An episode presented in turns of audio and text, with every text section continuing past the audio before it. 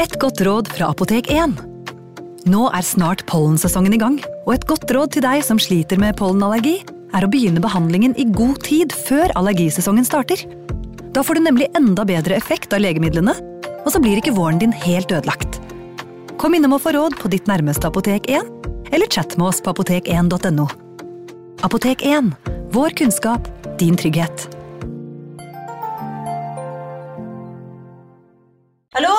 Jeg kommer fra Oslo politikammer.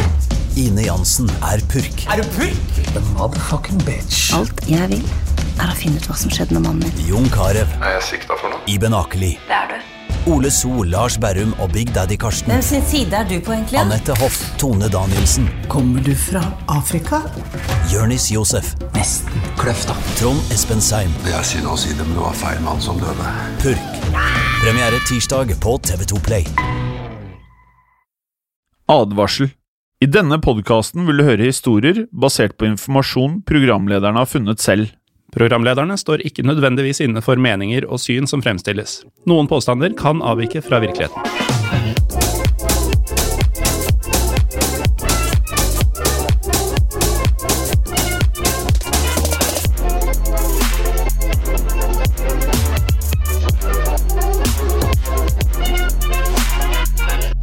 Hei og velkommen til Historiepodden, og ikke hvilken som helst episode av Historiepodden som du snart skal få høre. Mitt navn er som vanlig Jim Fasheim. Og mitt er som vanlig Morten Galaasen. Og Jim, eh, det er jo som du sier ikke en helt vanlig episode av Historiepodden. Verken på den ene eller andre måten. Nei, det er ikke det. Eh, For det første så er det vår første tresifrede episode. Altså i antall. Episode nummer 100. Episode 100, som er ganske så historisk, Morten. Ja, og det er jo da eh, en jubileumsepisode for vår del. Altså, tenk at vi har holdt det gående 100 episoder nå. Og da er det jo litt kult også at eh, den kommer ut dagen etter at vi har feira landet vårt også. For det er jo 18. Ja. mai i dag. Ja, det er eh, Ja, når du hører den, så er det jo det. Men når vi spiller inn, så er det jo dagen før. Ja, Så vi jubilerer liksom før, under og etter 17. mai, vi da. Ja, så Det er egentlig en lang festhelg for oss i Storepodden, og det håper vi også det er for deg som hører denne her. Og bare for å mimre litt, da, så er det jo, i og med at dette er Historiepodden, så kan vi dykke litt inn i historien til Historiepodden. Og vi startet for litt over to år siden, Morten. Ja, vi gjorde det. Eh, Vi la vel ut en teaser i mars 2019, og den første episoden kom vel eh, sent i april samme år, eh, tror jeg. Ja, så vi la ut eh, 'Velkommen til Historiepodden' 27. mars 2019. Ja. Og, og så skulle det gå nesten nøyaktig en måned til første episode kom, og den kom 26. april! Ja. Som, som er den hvite døden. Og på den perioden, det var litt morsomt å følge med på stjernene på iTunes. eh, For der, for de av dere som hører på Spotify og andre steder, så er det sånn at på iTunes sin podcastspiller da, skal man legge igjen stjerner, og skal man legge igjen en kommentar. Så med en gang Velkommen til historiepodden, altså teaseren eller piloten kom ut, så var det jo masse femstjerner, og folk var jo 'Å, dette gleder vi oss til'. Men så etter hvert som ukene gikk, så begynte det å komme masse enere, hvor folk bare 'Hva er det dere driver med? Hvorfor har dere lagt ut den eh, teaseren her?' og alt mulig Ja, alt De mulig. følte kanskje ikke at de fikk valuta for femstjernerne sine? Nei, og vi kan jo innrømme at eh, vi kom jo litt sent ut. Det gjorde vi jo. Ja, men det, det var jo litt sånn eh, Er det trang fødsel man kaller det? Eh, fordi eh, jeg ble jo mm, ble jo invitert med på dette her av deg. Eh, og så skulle vi sette oss ned og spille inn en pilot. Og jeg var jo av den oppfatning at dette var noe vi bare skulle teste ut. Men da vi først hadde spilt i den, så var tydeligvis du såpass klar på at nå må vi bare komme i gang. Sikkert pga. disse enstjernerne som tikka inn. Så plutselig var denne episoden ute, og jeg, jeg var bare med i en nå ukentlig podkast. Litt sånn Men- men så- uten å være klar over det selv. Men så hører det også litt til historien vår, Morten, at vi har spilt inn enormt mye podkast sammen. Ekstremt mye podkast. Og Ja, så Folk aner ikke hvor mye podkast vi har laget sammen. sånn egentlig. ja, vi har laget mye podkast. Og med det så er det vel sånn Det er vel ingen som helt vet nøyaktig årstallet for når dette her startet. Mange mener at det startet i 2011, noen sier 2012, og noen sier til og med 2013. Eh, men i hvert fall det som står på eh, iTunes, er det 2014 eller 2013? Tenker du nå på den eh, gamle Først- podkasten vi gjorde sammen? Ja. Eh, 2015 blir det 25, 25, ja, ok. ok. Så den kom offisielt i 2015, men innspillingen til den startet mange, mange år tidligere. Og med det så kom jo du da inn i 2015, så det betyr at vi har holdt på nå i seks år med å podkaste sammen på en eller annen måte. Så det, Eh, ja. ja, det, det, det har jo blitt en del podkasting på seks år. Altså, denne kommer jo ut hver uke. Historie på den andre verdenskrig kommer nå ut hver uke. Og denne gamle podkasten som vi har referert til, eh, Fotballuka, den, eh, som navnet indikerer, kom også ut hver uke. ja. Så vi har det- jo ja. gått over et par hundre episoder sammen på diverse podkaster. Ja, det er nok fort en 200-300 episoder, og tenk deg alle de timene. Og det som selvfølgelig ja, som er litt annerledes nå kontra ellers, er jo det at vi sitter jo ikke i samme rom. Som i og for seg er litt eh, trist, men vi har vent oss til det. Og akkurat her vi sitter nå, da, 16. mai, du hører dette her 18. mai eller senere, så er det jo faktisk sånn at eh, per avis, per definisjon, per eh, det ekspertene melder, så er det jo noen måneder fremover i tid, så kan man faktisk håpe på at det kan regelmessig spilles inn i et studio. Noe som eh, vi har gjort, og som vi skal gjøre igjen. Det skal vi, og en ting som vi faktisk ikke har gjort med denne podkasten, er jo å ha ting foran et publikum. Altså Ja. livesendinger og sånn, og det også er jo noe vi har lyst til å gjøre når, eh, når verden åpner igjen og muligheten byr seg.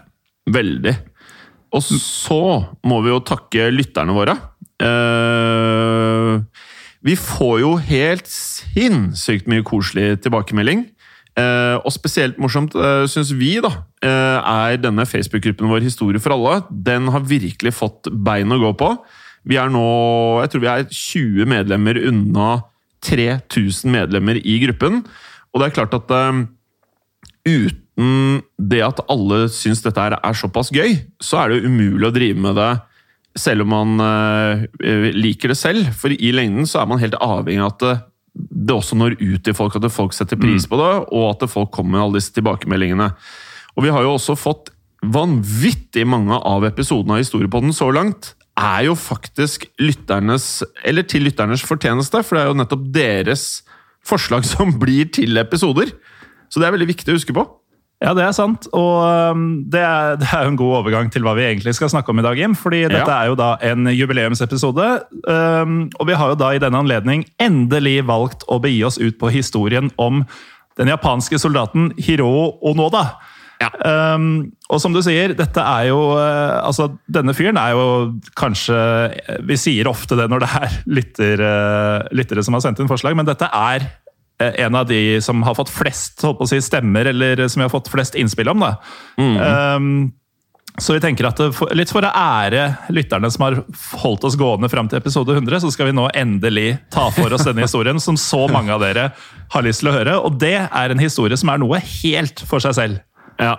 Og jeg kan jo også opplyse om at det første gang vi fikk request om denne episoden, er jo faktisk litt over to år siden. For rett etter vi spilte inn episoden Den hvite døden, om legendariske Simo Høyhe, så kom jo da første forslag til Hiro Onoda. Eh, Og den gang så var vi litt sånn ok, vi må jo markere det på en eller annen måte, for dette her er jo faktisk en av de få episodene som liksom har blitt spurt om hver sesong. Det har ikke vært sånn at det har dabbet av. Hver sesong så har vi blitt spurt om dette. Og for de av dere som ikke har hørt om Hiro Noda, så kommer dere nå til å skjønne hvorfor denne episoden er såpass etterspurt. Og grunnen til at vi da har spart den til jubileet vårt, episode 100. Og med det, velkommen til Historiepodden og historien om Hiro Onoda. Og denne historien starter eh, for en stund tilbake. Nesten 100 år siden. Eh, 19. mars 1922 i Japan. Eh, og denne dagen ble nemlig Hiro Onoda født. Og i barndommen til Hiro Onoda så vi har i hvert fall forstått det som at den var lik veldig mange andre sin, og han trivdes veldig godt med å gå på skole også. Og det var vel aldri noen tvil om hvilken vei Hiro skulle ta i livet. For eh, familietreet hans var eh, mer eller mindre tapetsert av militære karrierer. Og både hans far og også hans bestefar hadde tjenestegjort i hæren. Og det ble også sagt at denne militære rekken da strakk seg helt tilbake til noe vi har pratet om tidligere, Morten, samuraitiden. Ja, så med alt dette krigerblodet i genene, så var det jo et ganske enkelt valg for Hiroo da han bestemte seg for å gå inn i militæret, noe som han gjorde allerede som 18-åring. Han vervet seg til hæren og begynte da det som skulle bli sitt livslange engasjement for den japanske hæren. Og det ble også tidlig klart at denne unge mannen den, eh, han hadde anlegg han for dette militære livet. Han hadde et eh, strategisk hode og var spesielt god til å følge ordre. Ja, og årene gikk, og Hiro han jobbet seg kraftig oppover i systemet. Uh, og da må vi spole litt fremover, for uh, når den andre verdenskrig brøt ut, så hadde han fått uh, trening i både etterretning og også å gjennomføre oppdrag, og ble derfor en etterretningsoffiser. Og en stor del av den treningen han fikk, gikk nettopp på overlevelsesteknikker og strategisk kamuflasje. Og det var jo noe som dere skal høre, som han fikk veldig godt bruk for senere i livet. Men det kommer vi tilbake til. Ja, nesten for god bruk for det. Ja. Men uh, som mange av dere som hører på vet, så kjempa jo japanerne sammen med tyskerne under krigen. Og um, japanerne klarte seg stort sett uh, overraskende bra. Altså, Soldatene var kjent for sin ekstreme disiplin og nådeløshet. Uh, soldatene var trent opp til at de aldri skulle overgi seg. Samme hva, de skulle kjempe til siste slutt. Og dette gjorde jo at japanerne var eh, ordentlig leie å møte på slagmarken.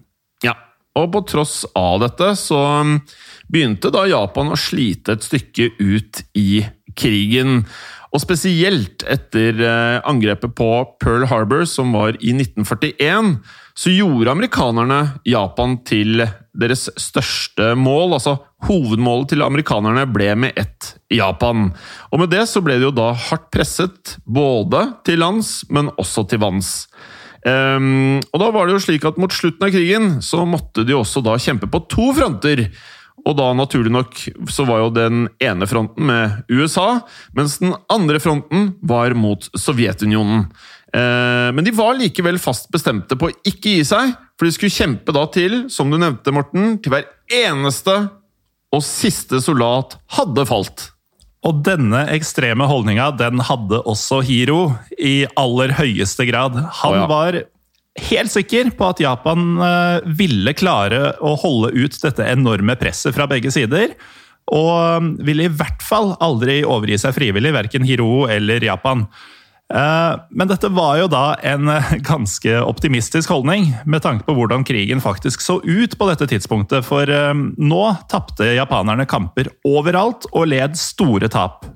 De gjorde det. 1942, altså året etter, så hadde japanerne invadert Filippinene og tatt kontroll over store deler av landet. Og I 1944, altså to år etter det igjen, så truet amerikanerne med å frigi nettopp Filippinene. For Filippinene hadde da tross alt vært et eh, svært viktig mål for japanerne under krigen, fordi det nettopp åpnet for en eh, handelsrute over den sørlige delen av Stillehavet. Og Amerikanernes plan var egentlig ganske klar. Det var å kutte av denne handelsruten, slik at japanske soldater ikke lenger da fikk den provianten de da var helt, helt avhengig av for å kunne fortsette kampene på havet. Og det kunne ikke det japanske militæret la skje. For hvis amerikanerne klarte dette, så ville krigen være så godt som over for Japan. Så dermed kontaktet major Yoshimi Taniguchi en av sine aller beste menn, og ga denne en av sine beste menn et oppdrag. Denne mannen som han kontakta, det var da selvfølgelig vår etterretningsoffiser Hiroo Onoda. Og Hiroo han fikk et oppdrag som var um, enkelt på sett og vis, men definitivt svært krevende. For det han skulle gjøre, det var å ta med seg en håndfull menn til øya Lubang. og drive en aktiv geriljakrig der mot de amerikanske styrkene. Ja. Og Hiro han eh, nektet aldri han for å gjennomføre en eneste ordre. Og nå var vi kommet til 26. desember 1944, når eh, han gikk i land på denne øya da, sammen med mennene sine. Så var det slik da at amerikanske soldater var allerede på Lubang, og det brøt derfor ut, som man kan forstå, store kamper da mellom de to. Og en rekke soldater skal her ha blitt drept, og med det så skjønte Hiro tidlig at de måtte trekke seg tilbake om det var noen som helst mulighet for at de, de kunne overleve dette her. Og Hiro, sammen med tre andre japanske soldater, rømte derfor inn til jungelen, og med det så klarte de å kamuflere seg og være i sikkerhet for en periode, da. Ja, for det var jo akkurat sånne situasjoner som Hiro var spesielt uh, trent opp uh, til å takle. Han visste hvordan de skulle kamuflere seg, og hvordan de skulle klare å overleve ute i jungelen. Så Derfor så ble han også leder for denne lille gjengen på fire soldater. Og de tre andre soldatene som på dette tidspunktet befant seg sammen med Hiro, de het eh, Akatsu, Shimada og Kozuka. Ja, og de fire soldatene de klarte å holde seg eh, i ro inne i denne jungelen i lang tid, egentlig. For amerikanerne klarte da i mellomtiden å frigi Filippinene, og var sikre på at eh, kampene på øya mer eller mindre var over.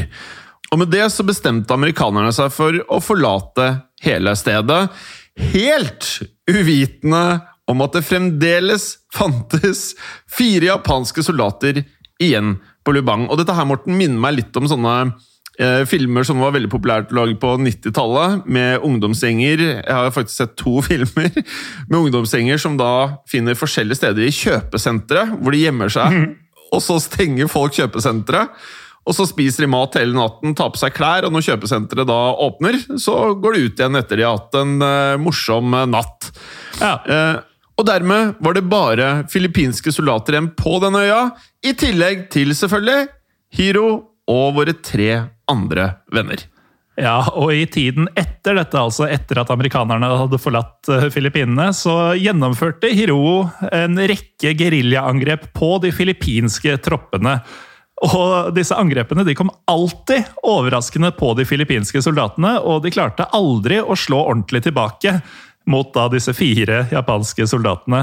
Og slike kamper de foregikk hyppig, eh, helt fram til oktober Eh, og rundt den tiden så merket jo Hiro at det var langt færre soldater utplassert på øya. Men uh, altså, han tenkte seg fram til å rasjonaliserte dette med at fokuset for krigen det måtte jo bare ha blitt flytta til et annet sted. Og når jeg da sier oktober, så må vi huske at han dro dit i desember 44, så vi er nå i oktober 45. Prikk, prikk, prikk. ja. Eh, det Hiro selvfølgelig da ikke visste, var at krigen på dette tidspunktet var over og at Japan hadde overgitt seg til de allierte. Og med det så var det slik at Hiro og de andre da, de hadde jo ingen muligheter til å få kontakt med japanske myndigheter, og hadde derfor ingen måte å vite hva slags utvikling krigen hadde tatt på dette tidspunktet. Så den eneste informasjonen Hiro egentlig satt med, var at japanske soldater aldri skulle overgi seg, og konkluderte derfor med at det selvfølgelig fremdeles var noe du skulle følge selv om de da bare var fire mann igjen. Og med tanke på den begrensa informasjonen Hiro hadde, så var jo det egentlig en logisk slutning, men han visste jo da ikke om eh, Det var mye han ikke visste om, bl.a. da amerikanernes bombing av Hiroshima og Nagasaki.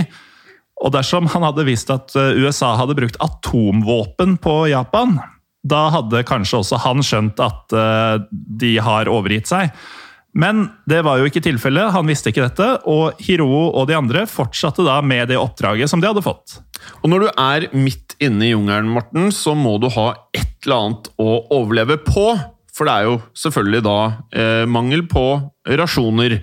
Og det de da levde av, var eh, på den ene siden frukt, bær og røtter, ting som de fant naturlig i jungelen. Mm. Men så var det helt andre ting de også måtte gjøre for å overleve. Blant annet så var det sånn at de da ranet og plyndret bønder. Altså de filippinske lokale bøndene ble frastjålet sekker på sekker med forskjellig proviant, spesielt ris. Eh, og med det så var det heller ikke uvanlig at det oppsto skuddvekslinger. Og selv om vi nå vet, Morten, og alle dere som hører på, at krigen var over, så var dette krig for Hiro Onoda. Og skuddvekslingene de var ikke mellom Hiro Noda og hans menn og bøndene, men mot politiet. Slik at eh, de ble jo da jaktet av politiet for plyndringen. Eh, og med det så var krigen fullt eh, gående for Hiro Onoda. Men allikevel var det en vesentlig forskjell på kampene som Hiro Onoda og hans menn var vant til å kjempe, som da var mot amerikanerne. Nå var det for det meste lokalt politi på øya. Ja, og dette var jo da politi som eh, ikke skjønte fortsatt. Skjønte de ikke at det var japanske soldater, men trodde da at eh, denne gjengen fra jungelen bare var alminnelige banditter. Um, så det skulle ta en stund da, før noen faktisk fikk greie på at det fremdeles fantes japanske soldater på denne øya. Men uh, etter en viss tid så fikk da USA uh, greie på det. Og de hadde også fått rapporter fra filippinske myndigheter om at fire menn i japanske uniformer var blitt observert på Lubang. Og Dermed så la jo amerikanerne sammen to og to, og skjønte at uh, dette måtte være soldater som ikke hadde fått med seg Japans overgivelse. Nei. Og med det bestemte amerikanerne seg for at noe måtte gjøres med nettopp dette. Men de ønsket ikke å gå i land på øya i tilfelle det ville oppstå blodige kamper, og med det så valgte de derfor en mer diplomatisk løsning. De valgte derfor flere hundre flygeblader, som de da sendte ned fra fly over hele øya. Og på disse flygebladene sto det at Japan hadde overgitt seg, og at krigen var over. Og det er jo litt absurd at man faktisk må gi denne informasjonen til folk, men det måtte de. Og det de håpet på, var da at Hiro Onoda og hans menn skulle lese disse flygebladene, og deretter, ja gi seg og også avslutte krigen, de også. Og i hvert fall deler av denne planen fungerte som den skulle, for disse arkene de ble funnet av Hiroo eh, på øya. Um, så del én hadde da fungert, men så skulle da Hiroo lese dette høyt for sine menn. Og Vi nevnte jo innledningsvis Jim, at eh, Hiro han hadde jo hatt eh, etterretningstrening. og Der hadde han jo lært mye om propaganda. Og Han eh, visste jo derfor at dette her dette var en teknikk for å lure fienden sin ut fra gjemmestedet. Så Hiro han trodde ikke et sekund på at dette var sant. For for Hiro, altså ut fra det han visste det han hadde lært tidligere, så virket det helt usannsynlig at Japan skulle ha overgitt seg til amerikanerne. Men jeg er litt enig i det, Morten. at liksom sånn, Hadde man eh, vært i denne situasjonen, så man jo Når man så hvor mye propaganda veldig mange av landene drev med, spesielt mm. Tyskland, så hadde man jo tenkt at ok, du lurer ikke meg. Nei, det virker som et veldig sånn enkelt, billig triks. Ja, sånn som når uh, tyskerne bare kjørte gjennom uh, forskjellige byer der det ikke engang sto sterkt og bare 'Dere må gi dere altså vi, vi, kommer til å ta landet deres snart.' Og så var det jo mm. faktisk noen som hørte på det, men de fleste ikke, da. Og med det så fortsatte Hiro akkurat som om ingenting hadde skjedd. Så med det så valgte Hiro de andre soldatene å bruke dagene på å fortsette å skaffe mat, fortsette å skaffe forsyninger, og med det så angrep de både bønder og også ofte nå sivile folk. Noe Hiro la merke til, var at eh, folkene på øya ikke hadde på seg noen form for uniform, men var uansett overbevist om at dette var et eh, slags triks, det også, fra amerikanernes side. Han var sikker på at det kun var da filippinske amerikanske soldater i forkledning så de gikk rundt og trodde at de i sivile klær, altså vanlige folk og bøndene, var da filippinsk og amerikansk militære, som da var på utkikk etter Hiro. da. Um, og dette var jo selvfølgelig en høyst feilaktig slutning, som førte da til at uh, relativt mange uskyldige sivile mistet livet i disse plyndringene. Og dette var jo en utvikling som ikke ble tatt godt imot av de filippinske myndighetene, og de kontaktet atter en gang USA for å be om hjelp. Amerikanerne de hadde jo trodd at flygeplanene ville fungere, og ble derfor overraska over at det fremdeles var problemer på denne øya. Så de diskuterte derfor hva de skulle gjøre for å hjelpe sine filippinske venner. Og løsninga, Jim eh, Nå hadde de jo prøvd noe som ikke fungerte så godt som det skulle. Yep. Så nå ble det jo en helt annen løsning, skulle man tro.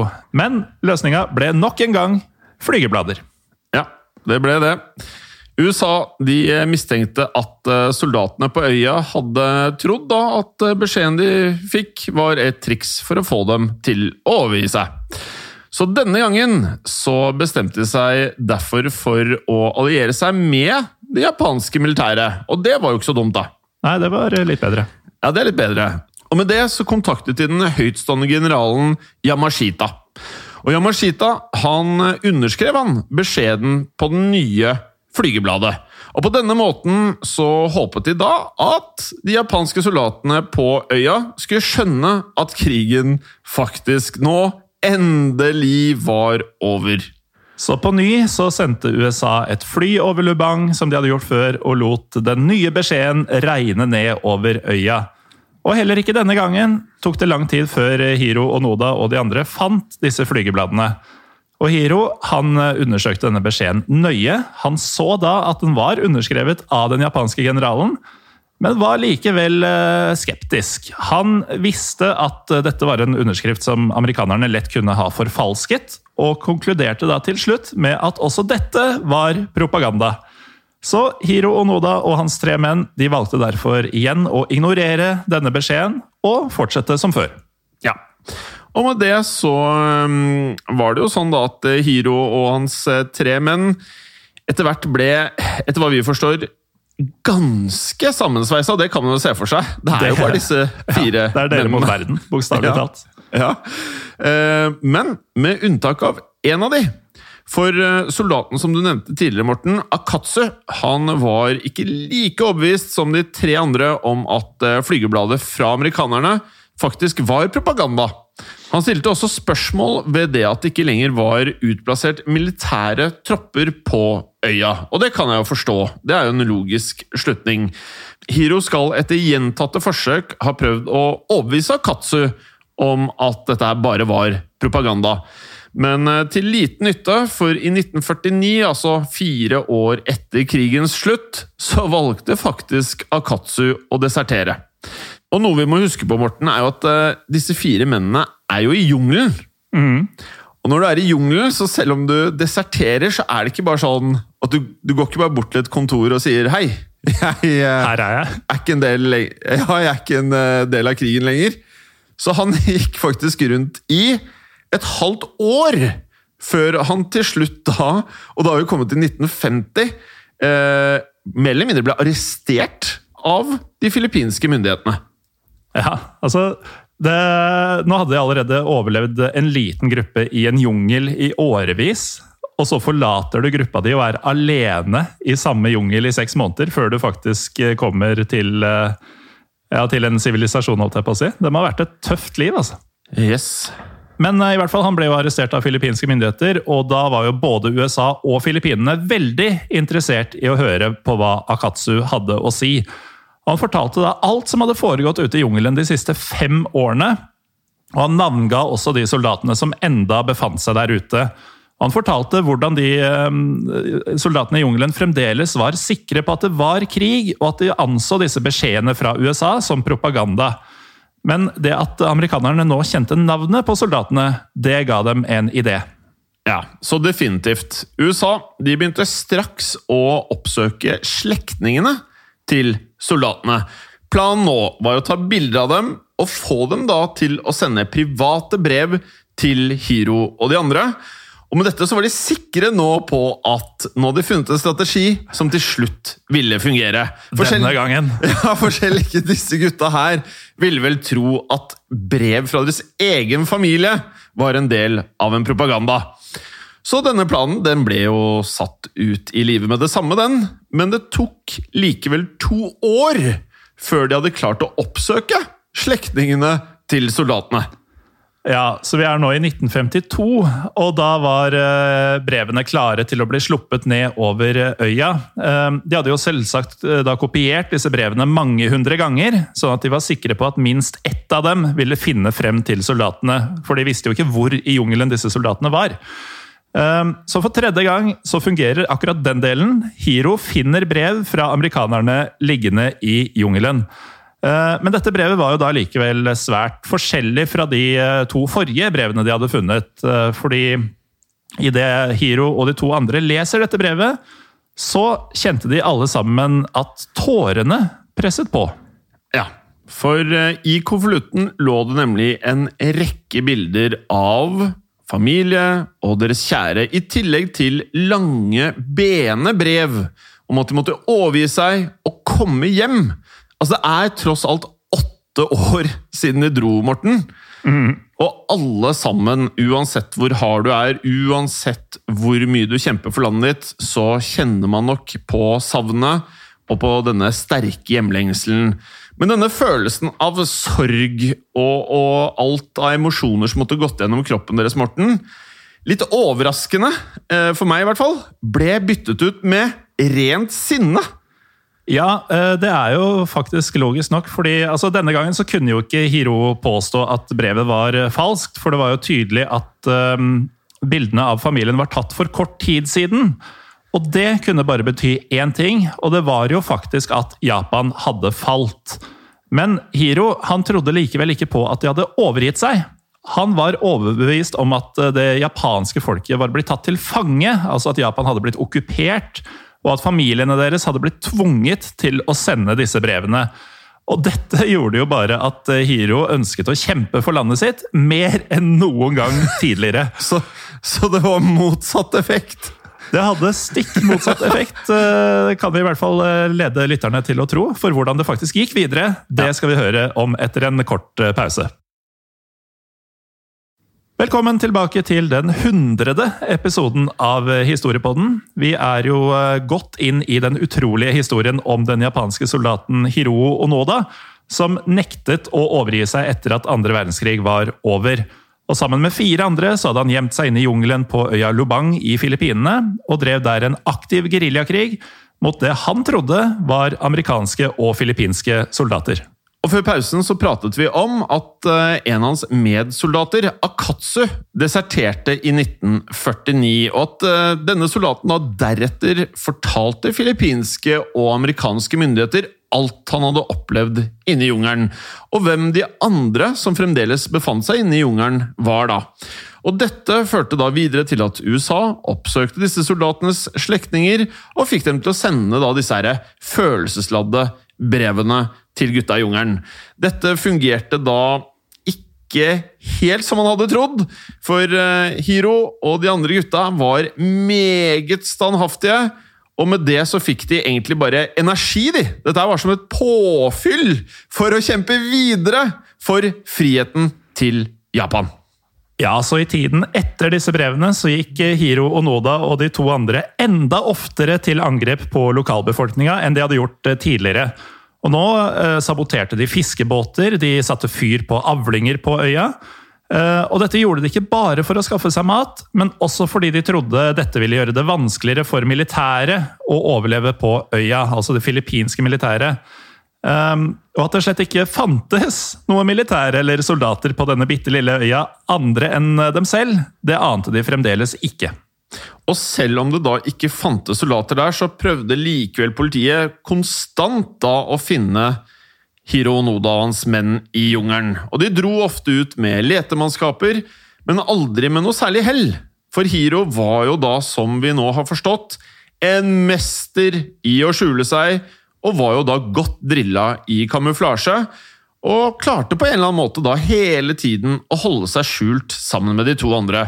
Og det føles jo litt utrolig dette her, Morten, at uh, de klarer å være så godt gjemt, eh, tatt øyas størrelse i betraktning? Ja, for Lubang er eh, ca. 116 kvadratkilometer stor. Eh, og det gjør det jo helt utrolig imponerende at de klarer å gjemme seg i så mange år. Altså, eh, til sammenligning, da, så er eh, Oslo, eller Stor-Oslo, hvis man regner med områdene rundt selve byen, 269 kvadratkilometer. Altså, denne øya er altså ca. halvparten så stor som Oslo. Eh, så enten så var jo det filippinske politiet ekstremt dårlige til å lete, Eller kanskje mer sannsynlig så var Hiro Onoda og de andre soldatene ekstremt gode på å holde seg skjult. Og ikke bare var de utrolig flinke til å holde seg skjult, men de var også veldig disiplinerte og ekstremt opptatt av å holde våpnene rene. Så de pussa våpnene og passet på at alt av kruttrester, eventuelt støv, sand, alt mulig annet, var ute av våpnene. Og de tok da regelmessig og også da eh, pustet støv og vasket ammunisjonen. Altså de sto og vasket kulene, da. Ja, så Det er en del sånne smådetaljer her som, er, eh, som vi kanskje ikke har snakka noe særlig om, men som gjør ting utrolig imponerende. Det er jo det at du faktisk klarer å ha nok ammunisjon. og sånn. Altså, nå har de vært der i åtte år. Mm. De får jo ikke forsyninger fra det japanske militæret. Mm. Så alt vedlikeholder de og skaffer mer av selv. Men så er det jo også De er jo på en tropisk øy her, altså i en mm. jungel. Mm. Altså, tenk alle liksom, sykdommer Eh, stormer, eh, farlige dyr og sånn, som også er en del av dette bildet. Ja, for vi har eh, lest flere steder at en av tingene som plaget de veldig, det var faktisk jeg kaller det mygg, men på engelsk er det mosquitos. Jeg vet at mosquitos for meg føles litt mer ubehagelig enn mygg. og veldig mye annet av dyr, bakterier, alt mulig av lokale sykdommer også. Så det har vært ute i jungelen der uten medisiner i den perioden her, å, ha våpen som faktisk funker i tillegg til at moralen er såpass høy, det, det, er nesten sånn Jeg har aldri hørt om en historie som er noe i nærheten av dette her, da. Nei.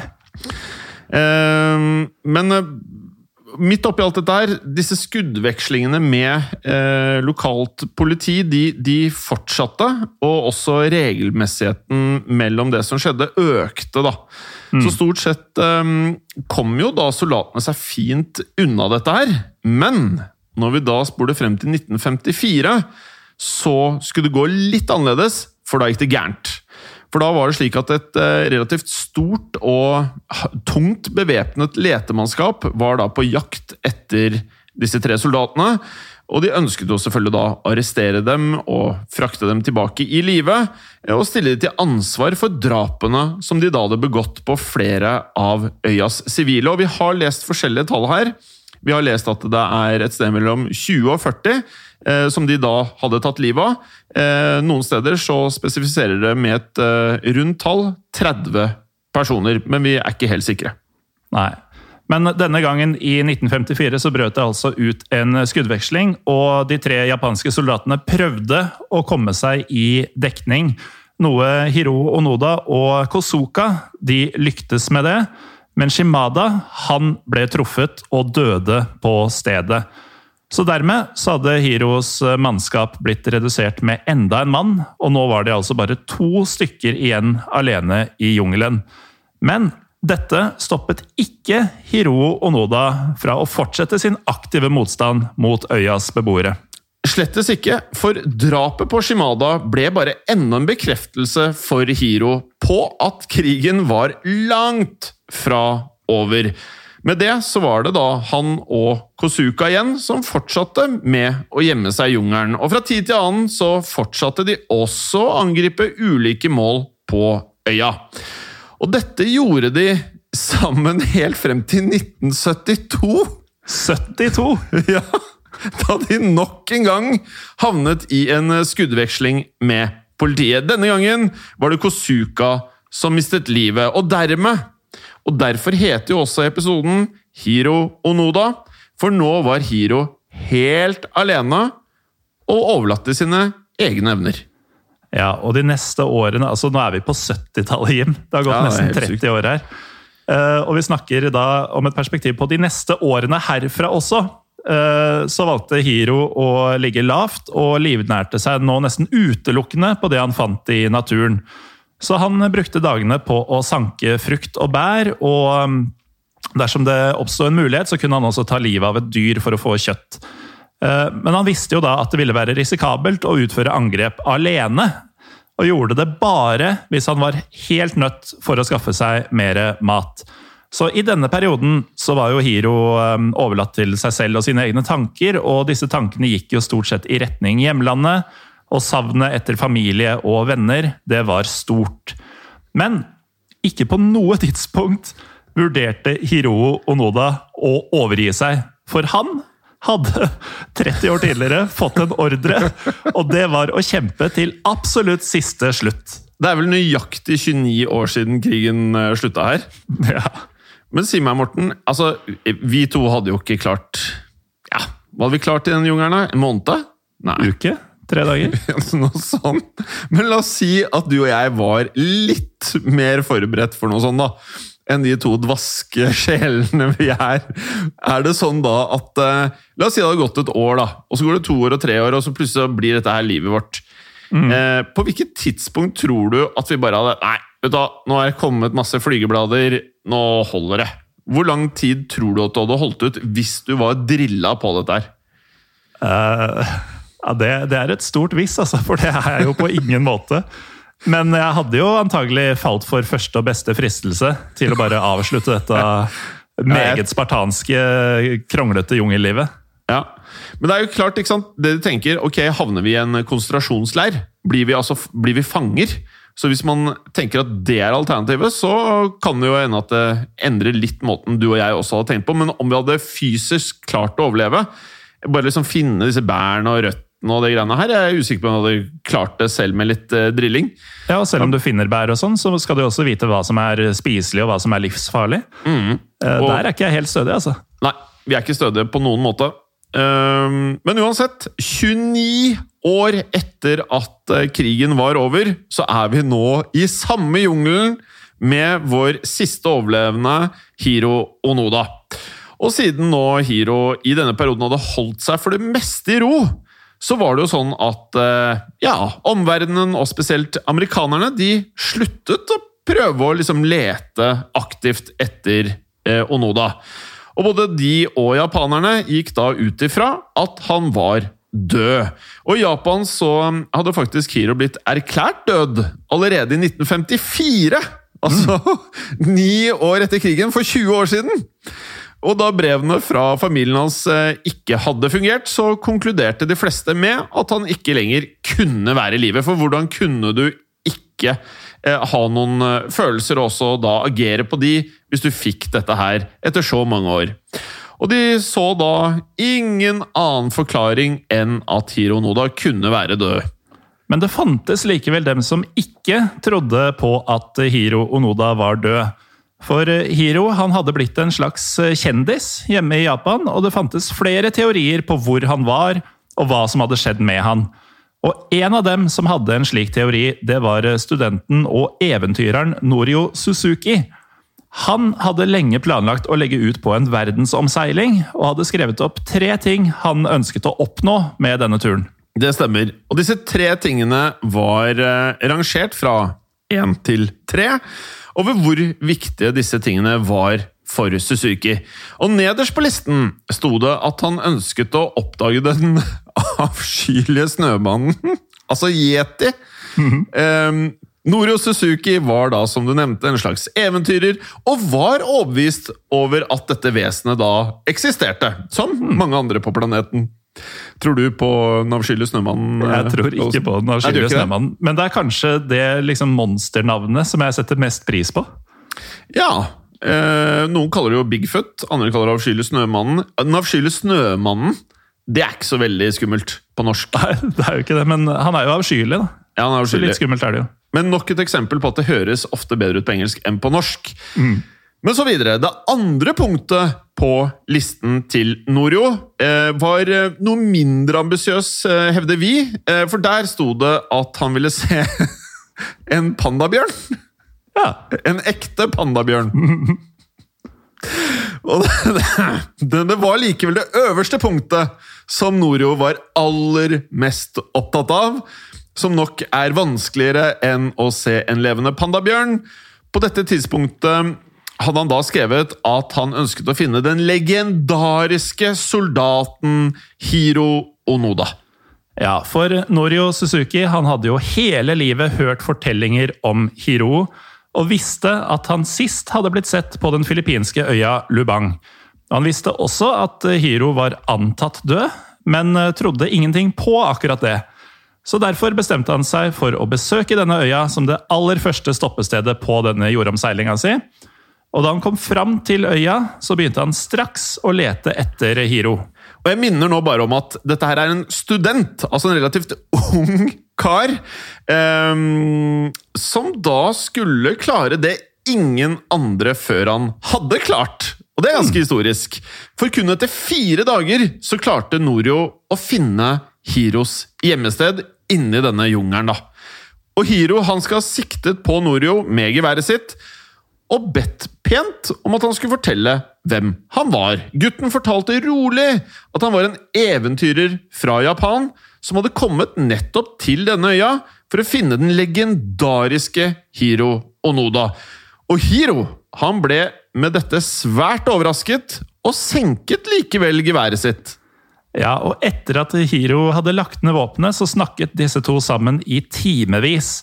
Og um, Hiro han syntes at denne unge studenten Norio så litt ut som en hippie, men uh, likte likevel gutten godt. Og det er jo ikke så vanskelig å tro med tanke på at du ikke har fått snakke med andre japanere på en god stund nå. Og han hørte på alt det Norio fortalte om uh, krigens slutt, og om hvordan verden hadde forandret seg. Um, og Hiro han kunne jo ikke tro det han hørte, for dette var jo en helt annen verden enn hans virkelighetsoppfatning tilsa. Og han ville fremdeles ikke tro på at Japan hadde overgitt seg, men han syntes likevel det var noe troverdig med denne unge gutten. Ja, for etter at de hadde pratet sammen, så spurte Noro om han ikke kunne tenke seg å bli med tilbake til Japan. Og Noro kunne forsikre han om at han ville bli tatt imot som en folkehelt. Og Hiro var eh, allikevel skeptisk, må vi vel si, på tross av mm. dette. For han kunne tross alt ikke vite om denne gutten jobbet for amerikanske myndigheter. Og på dette tidspunktet, nå vi prater liksom 30 år etter krigen avsluttet, så har du nok sikkert gått så lenge med deg selv. Akkurat som Tom Hanks i Castaway, at du til slutt liksom lager din egen virkelighet. Muligens, jeg skal ikke påstå dette her, men jeg kan se for meg at det er vanskelig å tro på noe som helst til slutt. Ja, helt enig. Um, han fortalte da Noro at han kun ville gå med på å legge ned våpenet hvis han fikk en direkte ordre fra sin gamle sjef mange, mange, mange mange tiår tidligere, major Yoshimi Taniguchi. Og da Norio hørte dette, så avbrøt han alle sine videre reiseplaner. altså Ideen om å finne en levende panda eksempel, det ble lagt på is. Og han dro i stedet for tilbake til Japan. Og da han kom hjem, så oppsøkte han det japanske mm, militæret og myndighetene og fortalte hva han hadde opplevd. Og myndighetene de var jo selvfølgelig sjokkerte over å høre at Hiro Onoda fremdeles var i live. Men de valgte likevel å tro på Norio Suzuki. Så Derfor så sendte de straks bud på major Yoshimi Taniguchi, som for lengst hadde pensjonert seg fra militæret. Ja, og som man kan forstå, så ble jo major eh, Yoshimi svært eh, overrasket, for å si det mildt, over at nummer én, at han fikk denne beskjeden, og nummer to, over at Hiro fremdeles var i live, og nummer tre, over at han måtte gi en beskjed til Hiro for at han skulle komme tilbake etter all den tiden her, da. Eh, så da han fikk høre dette, så husket han med en eneste gang de siste ordene som han da hadde sagt til Hiro før han ble sendt til land tilbake i 1944. For han hadde forsikret soldaten sin om at uansett hva som skjedde, ville de komme tilbake for å hente han. Og han var derfor eh, ikke vanskelig å be da myndighetene spurte om han ville reise til øya der Hiro befant seg.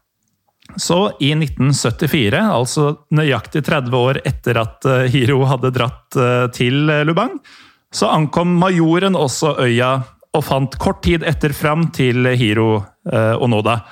Og møtet mellom disse to, Jim, det må ha vært ganske spesielt. Jeg får, er, er, du enig? Jeg får litt sånn her, litt tårer i øynene, på en måte. For det, jeg kan se for meg dette et sånn filmøyeblikk, bare hvor voldsomt mye følelser det må være involvert her. Ja, ikke sant? Og så har vi jo snakka litt om hvor eh, vanvittig det er å kunne overleve i dette tropiske miljøet så lenge. Eh, hvordan de hadde klart å holde våpnene ved like og sånn. Mm. Men i tillegg til alt det, så var jo Hiro fremdeles ikledd den samme uniformen som han hadde hatt på seg da han dro ut på dette oppdraget i 1944. Altså, Tenk så fillete det må ha blitt! Hvor, hvor fort du sliter ut en olabukse her i Oslo, liksom. Ja, ja, ja. Jeg skifter den ut til to år, jeg. Ja, ikke sant? Og major Yoshimi kunne da endelig fortelle Hiro at krigen var over, og at det derfor ikke lenger var behov for hans tjenester. Og endelig hadde han da innfridd løftet han hadde gitt Hiro i 1944 om å hente han tilbake, 30 år etter å ha gitt den beskjeden. Og det her er jo helt vanvittig, Morten. På, vi har jo hatt så sykt mye forskjellige episoder i eh, både historiebåndet og historiebånd andre verdenskrig opp igjennom at det er vanskelig liksom å si sånn hva er det drøy Når folk spør oss hva er det drøyeste vi har prata om, og mm. hvilke ting er det som skiller seg ut Dette her er det drøyeste by far på én måte. Fordi det er bare så over vanvittig lang tid. Ja, så det, det er på en måte det mest utrolige vi har snakka mm. om. Og det er litt sånn, Hvis eh, dette hadde blitt servert oss som en eh, film eller bok eh, som var fiksjon, så hadde det blitt sånn herre Dette blir for dumt, liksom. Dette, her har du ikke prøvd engang. Det er jo helt usannsynlig. Og så er det sant! Altså, det har skjedd. Og det kan skje igjen. Um, og da Hiro omsider ankom Japan, så ble han hyllet som en stor folkehelt, akkurat slik Norio hadde beskrevet tidligere. Det ble nemlig arrangert store parader for Onoda, og tusenvis av mennesker hyllet han overalt i gatene. da. Og Hiro hadde mer eller mindre blitt symbolet på kraften som da lå i det japanske folket. Og på tross av dette så måtte han fremdeles svare for de filippinske myndighetene, og i løpet av tiden på øya, så, som vi nevnte, så hadde han jo drept en god del mennesker. Det tallet som brukes som ofte som nevnt, er rundt 30. Eh, og dette er jo sivile mennesker, så selv om mm. han gikk rundt og trodde at dette var amerikanske og filippinske soldater, så var det sivile folk. Og heldigvis for Hiro så var Filippinenes president overraskende forståelsesfull for alt som da hadde skjedd. Ja, for presidenten han skjønte at Hiro Onoda hadde trodd at det fremdeles var krig, og at han derfor bare hadde tatt livet av disse menneskene for å forsvare seg selv og sitt land. Så på grunnlag av dette så valgte han faktisk å benåde Hiro. Eh, hvorvidt eh, slektningene til de drepte var enige i denne benådninga, det vet vi ikke, men eh, faktum var i alle fall at Hiro Onoda var en fri mann, og alle muligheter lå åpne for han. Ja, og dette har vært oss, Morten, så hadde jo vi vært utrolig fornøyde med denne avgjørelsen, og sikkert veldig glade for å være tilbake til, i vårt tilfelle, Norge. Ja, det vil jeg definitivt tro. Ja, og man skulle jo da kanskje tro at Hiro var fornøyd med å endelig være tilbake i hjemlandet sitt, Japan, men eh, det var ikke tilfellet. Nei. Nei, for han kunne ennå ikke fatte at Japan hadde rovgitt seg allerede i 1945, noe han var meget skuffet over. Han likte heller ikke retningen landet hadde tatt siden han så det sist, som var en god stund siden, for Japan var etter annen verdenskrig opptatt av å fremstå som en fredelig nasjon, og nedskalerte derfor militæret sitt kraftig. Og dette var jo noe av det Hiro var mest imot. Ja, så Derfor så bestemte Hiro Onoda seg for å engasjere seg i politikken, og ble medlem i en politisk gruppe langt ut på høyresiden. Og Der jobbet han hardt for at Japan igjen skulle bli en stor militærnasjon, og ønsket at landet skulle finne tilbake til sin eh, storhetstid. Eh, men selv om han jobbet eh, hardt med dette, så rakk han også å skrive en selvbiografi, som da selvfølgelig ble svært populær. Og denne boken den fikk tittelen No Surrender My 30 Year War. Det syns jeg er en veldig beskrivende tittel. Ja, det er eh, spot on. Um, men som eh, vi hører, så fins jo den da på engelsk. Ja. Og bør, vi, bør kanskje leses. Ja, det vil jeg vel absolutt si burde være en eh, Kanskje en sånn klassisk sånn når man blir spurt til jul hva man ønsker seg. Man har null ting man egentlig ønsker seg lenger. Så mm. bare Det er faktisk noe jeg skal notere meg her nå. Uansett, bare et år etter at Tiro hadde kommet hjem til Japan, så valgte han å emigrere til Brasil, der hans bror nå allerede bodde. Og Han gjorde dette fordi han da mente at Japan ikke lenger var det landet han en gang hadde elsket. Han mente at de hadde forlatt alle sine verdier og også tradisjoner, og ønsket ikke lenger å være en del av det samfunnet som nå var glemt. Men Hiro skulle allikevel bli mykere på sine eldre dager. Ja, for i Brasil så møtte han en kvinne som skulle bli hans eh, kone. og sammen så flytta de tilbake til Japan i 1984. Og Der opprettet Hiro en naturskole for ungdom, der han lærte denne ungdommen å overleve ute i naturen, og hvordan man skulle leve det han kalte et dydig liv. Og I 1996 så dro han også tilbake til Lubang og møtte flere fra lokalbefolkningen der. Og Da ba han om unnskyldning for det han hadde gjort, og donerte penger til den lokale skolen. Så etter dette så levde Hiro et eh, rolig liv fram til han eh, døde hjemme i Japan den 16. januar 2014, 91 år gammel. Ja, og eh, kunne denne historien blitt mer imponerende og vanvittig om vi hadde prøvd å finne den på? Nei, det, det hadde ikke gått. Eh, en ting sånn som da når lyttere hører på dette, her, så tenker man sånn Jeg skulle likt å vite mer informasjon. Så eh, en av tingene som jeg lurer veldig på, og hvis noen av lytterne der ute har klart å komme over noe informasjon, kanskje har man lest denne mot formodning, lest boken til Hiro Noda, og at det står noe om det der. Vi har eh, ikke syntes det har vært så lett å finne ut akkurat hvordan i eh, detalj Altså hvordan han kamuflerte seg i så lang tid. Det syns jeg har vært spennende å høre mer om. Men, jeg er helt enig. Og ja. i det hele tatt hvordan man faktisk altså Vi vet jo at de eh, tok livet av noen dyr, sanka bær og nøtter og sånne ting, men nøyaktig hvordan overlever du faktisk? Altså Hvordan bodde du? Hvordan tilberedte du disse dyrene? Mm. og sånne ting, Mens du samtidig holder deg skjult, og alle er på leting etter deg. Ja, Og så har vi jo lest at han blant bl.a. liksom lappet denne uniformen. altså han har Én ting er liksom bare altså, hygiene hans. Jeg regner med at det lukta mm. ganske stramt uh, til slutt. Men liksom Badet han? Altså, hvor ofte vasket han seg? Hva brukte han hvis han fikk et kutt? Altså liksom Sånne type ting. Ja, Småtingene. Ja, altså Hvordan klarte han å ikke, å bare overleve? Hvordan klarte han å ikke dø? Én ting var at han ikke ble drept, som, uh, som også er ganske utrolig. Men hvordan klarte han liksom å overleve med Jeg regner med at det er masse sykdommer han har fått i denne perioden. Eh, helt sånne alminnelige ting som vi i dag går på apoteket og finner eh, ja, mm. noe klassisk medisin til. Eh, sånne type ting skulle vi gjerne visst mer om, og jeg tenker at dette er jo nå markeringa av vår episode 100. Det er ikke utenkelig, etter at vi har lest boken til Hiro Noda, at det kanskje kommer en oppdatert versjon av episoden. At vi rett og slett lager en en, det ble en ganske lang episode, men lager en enda lengre episode. Kanskje deler den opp i to og rett og slett får inn enda mer detaljer som ikke er så enkelt å få tak i. Ja, det ble mye kanskje på en gang, Jim, men eh, vi håper jo, eh, vi håper. gjerne med dere lytteres hjelp, å, få eh, tilgang til mer av disse detaljene og denne informasjonen som vi lurer veldig på etter å ha mm. fortalt historien om Hiro og Noda. Vi minner da om, bare en liten ø, ø, oppsummering her han, han holdt på Altså, han kriget i 30 år etter at annen verdenskrig var ferdig. Og flere av de årene helt mutters alene i en ja. jungel. Ja, helt alene. Og ikke nok med det, så var det en student som klarte det ingen andre, verken amerikanske hæren, Japan hadde ikke klart det, Filippinene hadde ikke klart det, å finne denne mannen kun etter fire dager! Mm. Og at um, han da var blitt en legende, en helt, hjemme i uh, Japan. Og at denne studenten hadde da tre mål, og det var å se en panda, se den avskyelige Snømannen og se, se Hiro Onoda. Det er ganske vanvittig. Vi insinuerte jo så vidt tidligere at det lokale politiet på Lubang kanskje var dårlige på å lete.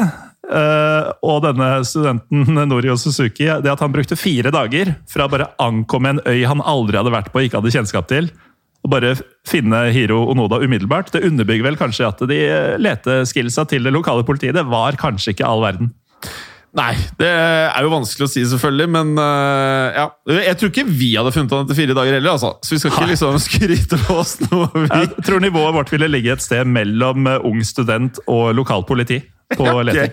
Ja, men det er fair, det. Mm. Uh, og med det, kjære lyttere, tusen takk for at dere nå har fulgt oss i uh, eh, 100 episoder allerede.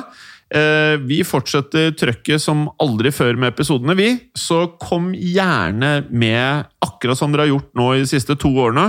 Kom med forslag til eh, temaer til episoder. Følg oss på Historie for alle, ikke bare fordi at vi syns det er gøy, men fordi jeg tror alle som er med i gruppen syns det er gøy. At eh, jo flere vi blir, jo flere historier deles.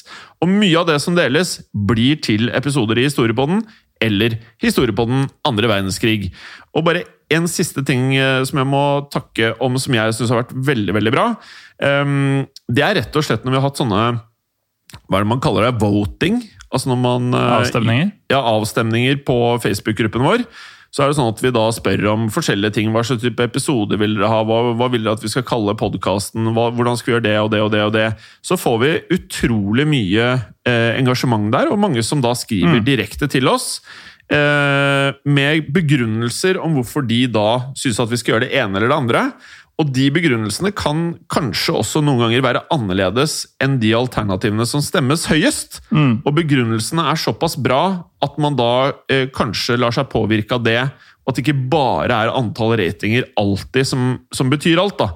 Og spesielt når det er tighte ratinger, så er det, eller votinger, så er det en, en eh, fin sak, da.